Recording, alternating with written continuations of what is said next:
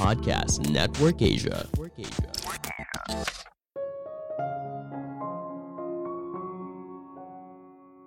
Semakin dekat kita dengan seseorang, anehnya kita semakin sulit mendengarkan apa yang mereka sampaikan. Halo semuanya, nama saya Michael. Selamat datang di podcast saya, Sikutu Buku. Kali ini saya akan bahas buku You Are Not Listening karya Kate Murphy. Sebelum kita mulai, buat kalian yang mau support podcast ini agar terus berkarya, caranya gampang banget. Kalian cukup klik follow Dukungan kalian membantu banget supaya kita bisa rutin posting dan bersama-sama belajar di podcast ini. Buku ini membahas kalau kita sebenarnya tidak benar-benar mendekarkan seseorang. Di kantor, kita diajarkan untuk memimpin percakapan. Di media sosial, kita didorong untuk membuat narasi pribadi. Di sebuah pesta, kita diminta untuk berbicara satu sama lain – kita sibuk diajarkan untuk berbicara, tapi kita tidak diajarkan untuk mulai mendengar. Bukan hanya kita, orang lain juga tidak mendengarkan. Meskipun kita hidup di dunia di mana teknologi memungkinkan komunikasi digital yang konstan dan peluang untuk terhubung, tampaknya kita tidak benar-benar mendengarkan atau bahkan tahu caranya. Dan itu membuat kita menjadi kesepian, terisolasi, dan kurang toleran dari sebelumnya. Mendengar itu bukan hanya soal mendengarkan apa yang seseorang katakan, tapi menaruh perhatian bagaimana mereka mengatakannya, apa konteksnya, dan bagaimana hal tersebut bisa terhubung dengan kita. Saya merangkumnya menjadi tiga hal penting dari buku ini. Pertama, apakah kamu mendengar? Kapan terakhir kali kamu mendengarkan seseorang? Benar-benar mendengarkan tanpa berpikir soal apa yang akan kamu katakan selanjutnya sambil lihat handphone atau memotong pembicaraan seseorang untuk menjelaskan sudut pandang kamu. Lalu, kapan terakhir kali seseorang benar-benar mendengarkan kamu? Di masa kini, kita jarang didorong untuk mendengarkan dengan penuh perhatian, melainkan kita justru didorong untuk memimpin pembicaraan, entah itu saat rapat, pesta, bahkan makan malam keluarga. Ada fakta yang menarik mendengar boleh dibilang lebih bernilai daripada berbicara. Pecahnya perang, kehilangan harta, dan pertemanan yang rusak biasanya terjadi karena kurang mendengarkan. Dengan mendengar, kita jadi memahami seseorang, berempati, dan terhubung selayaknya manusia. Ini merupakan hal dasar bagi setiap hubungan sosial yang sukses, entah itu personal, profesional, atau bahkan politik. Seperti yang dikatakan oleh filsuf Yunani terkenal bernama Epictetus, alam telah memberikan seorang satu lidah tapi dua telinga. Artinya kita harus mendengar dua kali lebih banyak daripada berbicara. Mungkin apa yang kita alami sekarang terbentuk sejak kita kecil. Misalnya saat di sekolah, ada kelas debat atau kelas yang mengajarkan soal persuasi. Tapi jarang atau mungkin bahkan tidak ada kelas atau topik yang mengajarkan soal mendengar dengan penuh perhatian Orang sukses masa kini juga digambarkan sebagai sosok yang naik ke atas panggung dan berbicara di belakang podium. Masyarakat masa kini merasa terlalu sibuk atau mudah terganggu untuk bisa menjelajahi kedalaman pikiran atau perasaan orang lain. Kemampuan untuk mendengarkan seseorang telah digantikan dengan kapasitas untuk membungkam orang lain, terutama mereka yang tidak setuju dengan kita atau yang tidak bisa berbicara to the point dengan cepat. Dalam sebuah survei pada tahun 2018 terhadap 20.000 orang Amerika, hampir setengah responden mengatakan kalau mereka tidak memiliki interaksi sosial tetap muka yang bermakna, seperti melakukan percakapan panjang dengan seorang teman setiap hari. Jika dibandingkan dengan tahun 1980-an, studi serupa menemukan hanya 20% responden yang mengatakan kalau mereka merasakan hal tersebut. Kedua, sulit mendengarkan orang terdekat. Mungkin kita berpikir, kalau kita lebih mendengarkan pasangan daripada orang asing. Faktanya justru berkebalikan. Orang yang berada pada hubungan jangka panjang sering kali kehilangan rasa penasaran satu sama lain.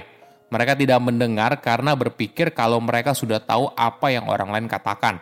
Ibaratnya, kamu melewati rute yang sama untuk jalan dari rumah ke kantor atau ke sekolah kamu sudah tidak lagi memperhatikan papan penunjuk jalan, pemandangan di sekitar, dan sebagainya. Anehnya, semakin dekat kita dengan orang tersebut, maka semakin kecil kemungkinan kita untuk mendengarkan mereka secara mendalam. Ini yang disebut sebagai closeness communication bias. Jika dibiarkan, maka lama-kelamaan akan membuat sebuah hubungan jadi renggang dan mungkin saja malah berakhir dengan berpisah. Atau mungkin saja kamu pernah dengar cerita kalau ada pasangan yang baru sadar kenapa pasangannya berubah. Atau orang tua yang kaget ketika mengetahui kelakuan anaknya yang berada di luar dugaan. Mungkin yang harus kita pahami, setiap orang selalu berubah. Kita yang sekarang belum tentu sama dengan kita saat minggu lalu, bulan lalu, atau bahkan tahun lalu. Setiap interaksi kita dengan orang lain sedikit banyak mengubah siapa diri kita yang sebenarnya. Mungkin tidak terlihat secara signifikan, tapi pasti ada perubahan. Ada sebuah riset yang menarik. Peneliti memasangkan responden dengan teman atau pasangan, lalu di skenario kedua dengan orang asing. Di setiap skenario, para responden diminta untuk menafsirkan apa yang dikatakan oleh lawan bicara. Menariknya, pemahaman responden terhadap lawan bicara tidak lebih baik ketika mereka dipasangkan dengan teman atau pasangan daripada dengan orang asing. Parahnya, sering kali lebih buruk.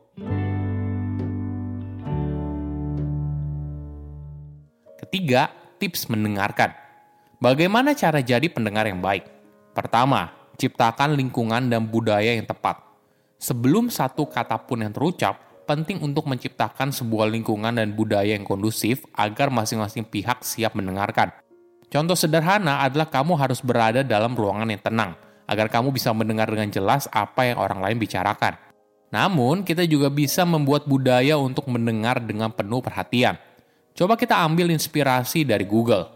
Mereka mendorong para karyawannya untuk bergantian berbicara dan yang lain mendengarkan setiap poin yang disampaikan.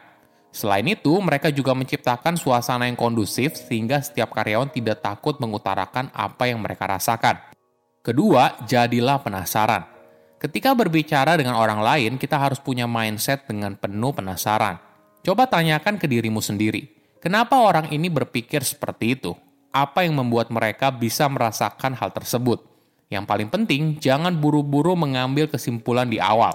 Tips lain yang penting adalah jangan berusaha untuk menebak kalimat apa yang akan diutarakan oleh lawan bicara. Masuklah pada sebuah percakapan di mana kamu punya mindset untuk belajar hal baru daripada mengkonfirmasi apa yang sudah kamu ketahui.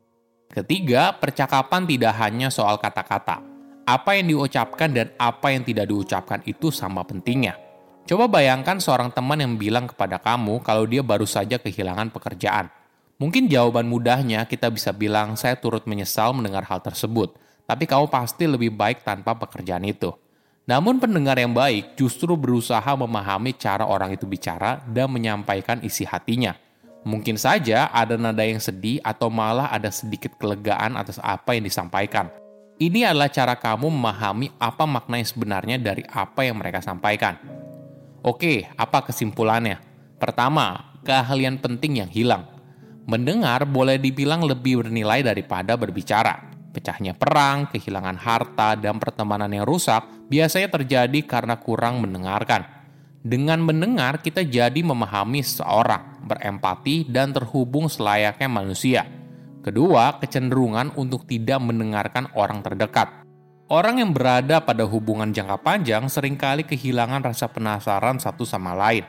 Mereka tidak mendengar karena berpikir kalau mereka sudah tahu apa yang orang lain katakan Anehnya, semakin dekat kita dengan orang tersebut, maka semakin kecil kemungkinan kita mendengarkan mereka secara mendalam. Ketiga, cara mendengar yang benar. Jangan berusaha untuk menebak kalimat apa yang diutarakan oleh lawan bicara.